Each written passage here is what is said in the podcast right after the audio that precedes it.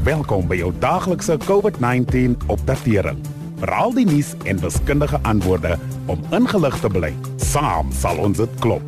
Aangebied deur die Departement van Gesondheid en SABC Radio. Suid-Afrika het die afgelope week deur 'n moeilike tyd gegaan. In die afgelope 7 dae is daar meer as 1500 COVID-verwante sterftes aangeteken. En hierdie naweek sal ons die perk van 'n half miljoen COVID-19 infeksies oorsteek. Met 850 000 bevestigde gevalle in Afrika, is ons verantwoordelik vir meer as die helfte van die totale aantal infeksies op die kontinent. Tesame met die stygende getalle wat infeksies betref, het Suid-Afrika ook 'n toename beleef in die vlak van armoede.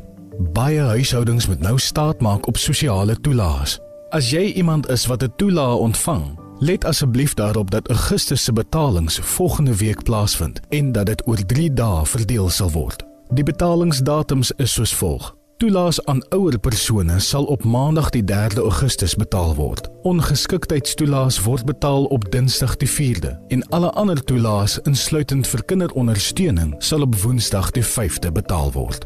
Terwyl regerings reg oor die kontinent hulle bes doen om mense by te staan om die geweldig ontwrigtende ekonomiese en gesondheidsgevolge van die pandemie te hanteer, kan geen regering so 'n probleem op sy eie die hoof bied nie. Ons het almal 'n rol daarin te speel en ons moet as een span saamwerk om hierdie ontsettende pandemie die stryd aan te sê.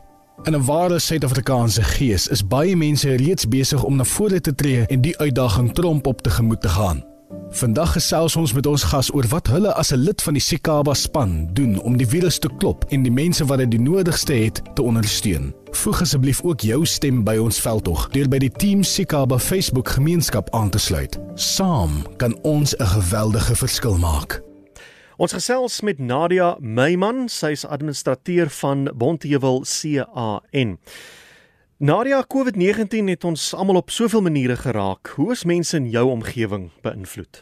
Ons het baie vinnig besef dat as 'n organisasie in Bontheuwel ons redelik dinge sou kon doen om ons gemeenskap te, te help, om te voorsien met kos wat grootendeels die belangrikste iets was vir ons mense. Ehm um, ons was gesê deur gemeenskapslede dat COVID gaan hulle nie doodmaak nie maar honger wel. En ons het baie gou besef dat ons iets drasties moet doen om 'n verskil te probeer maak in die gemeenskap gedurende hierdie tyd. Um so wat hierdie ervaring vir ons geleer het is dat daar's baie inequality reg in COVID en die inperking het vir verskillende gebiede verskillende iets beteken waar sommige gebiede in sommige gebiede dit makliker was vir mense om in hul huise te bly en en en en die inperking te gehoorsaam was dit nie so maklik in areas soos Pontevel en grootendeels ander areas op die Kaapse vlakte op die Kaapse vlakte nie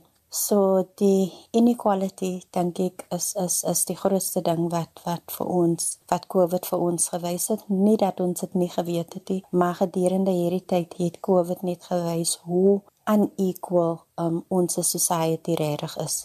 En ons hoor dat jou organisasie wonderlike werk doen in uh, die gemeenskap. Vertel ons meer daaroor.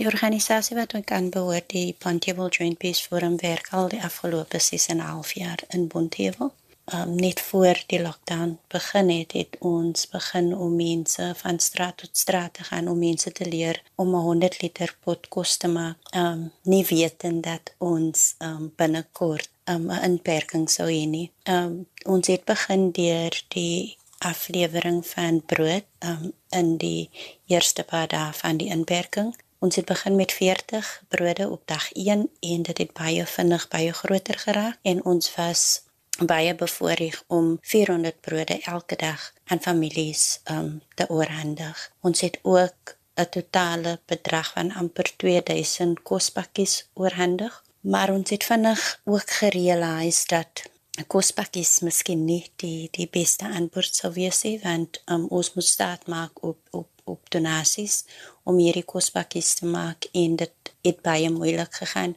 Ons database het vinnig vinnig gegroei en ons staan op hede staan ons net so oor 1500 mense op die database. Wat ons toe gedoen het, ons moes teruggaan na ons gemeenskapskombuise en vir hulle vra of hulle bereidwillig sou wees om te begin kook, alhoewel ons net voor die inperking vir mense gesê het dat dit nie iets is wat ons graag wou doen nie. Um, maar ons het vinnig besef dat gekookte kos die beste uitweg gaan wees vir ons gemeenskap.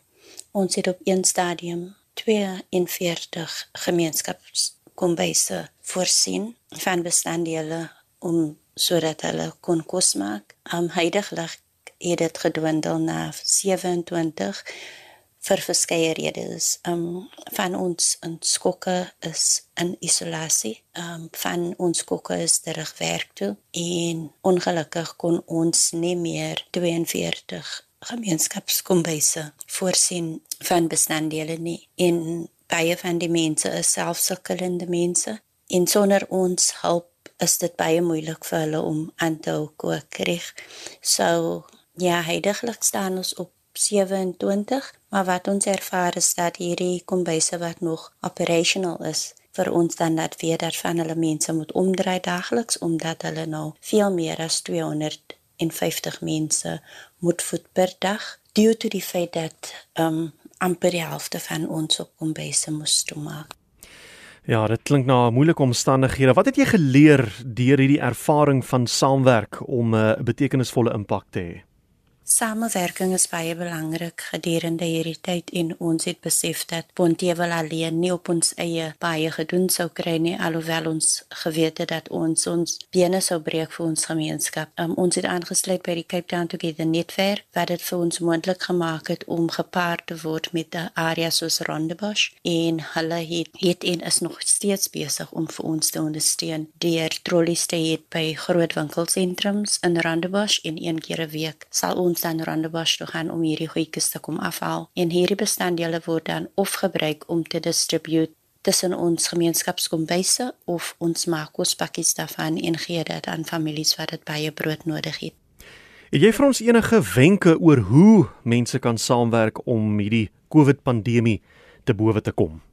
Natuurlik moet ons saamwerk om COVID te wys wie spas. Dit kan ons slegs doen aan soos hou by die reëls en dit is om 'n veilige afstand te handhaaf, om ons maskers op te hou en baie belangrik om nie diegene wat COVID uh, toets te stigmatiseer. Dit kan met enigiemand van ons gebeur en regardless van die voorsorgmaatreëls wat ons tref, glo ons dat baie van ons met die COVID um disease getref gaan word en dit is belangrik dat ons mekaar ondersteun gedurende hierdie tyd. Het jy 'n boodskap wat jy wil deel met ander Suid-Afrikaners wat as vrywilligers werk of wie se daaglikse werk dit is om ander mense te ondersteun? Ja, ek het 'n boodskap vir die mense wat die vrywillige diens doen. Um ons is ewig dankbaar aan ons essential staff, ons dokters, ons nurses, onderwysers, tot op petrojoggies, kassiere in die winkels, maar ook um ons gemeenskapskampioene wat elke dag um uitgaan om seker te maak dat hulle bure oukei okay is, dat hulle bure iets het om te eet en indien nie dat hulle hulle eie resources soos airtime gebruik om vir ons te laat weet dat daar 'n nood in die straat en en dit is moeilik. Dit is moeilik um om die werk te doen wat ons doen. Um daar's baie mense wat verwag ons moet dit doen asof ons betaal word om hierdie werk te doen. So vir al die vrywilligers daar buite wil ons baie baie dankie sê. Keep up the good work. Um ons gaan die COVID pandemie oorkom as 'n span, as ons saamwerk en team Sikaba om COVID te oorwin is werklike spansport. En so gesels Nadia Meyman, administrateur van Bonteheuwel Can. Dankie dat u geluister het na die daaglikse COVID-19 inligtingstuk aangebied deur die Departement van Gesondheid en SABC Radio in samewerking met die Solidariteitsfonds. Wees veilig, bly gesond. Saam sal ons dit klop. Suid-Afrika.